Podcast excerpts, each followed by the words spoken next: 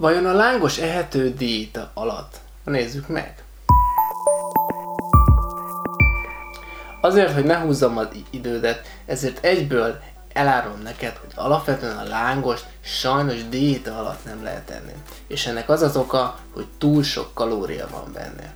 Ha megnézed, hogy milyen alapanyagokból áll, akkor láthatod, hogy leginkább lisztből, olajból és bizonyos esetekben sajtból is, és még ritkább esetben ö, tejfőből, ami alapvetően ö, határeset. De alapvetően ez a három tényező, ami iszonyatosan megnöveli a lángosnak a kalóriatartalmát.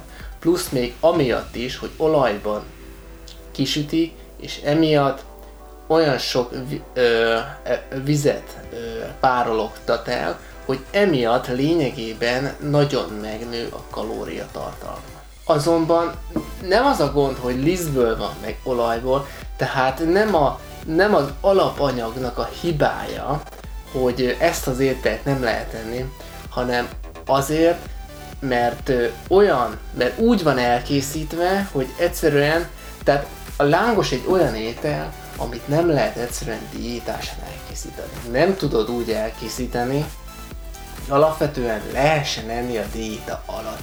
Ez nem a liszt hibája, ez nem az olajnak a hibája, vagy a sajtnak a hibája, hanem magának a kész ételnek. Ez egy olyan étel, ami nagyon kalóriadúsan készül, és nem lehet egyszerűen csökkenteni rajta.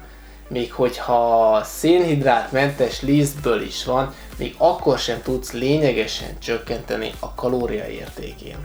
Azonban, hogyha te már nem akarsz ö, fogyni, mert már elefogytál, akkor alapvetően ö, egy étkezésre egy lángost simán megehetsz, mert annyitól még nem lehet hízni, viszont ha már kettőt eszel, akkor már szinte biztos, hogy hízni fogsz, ezért én azt ajánlom, hogy egy lángos egy étkezésre, és mérsékelten rakhatsz rá sajtot és tejfölt.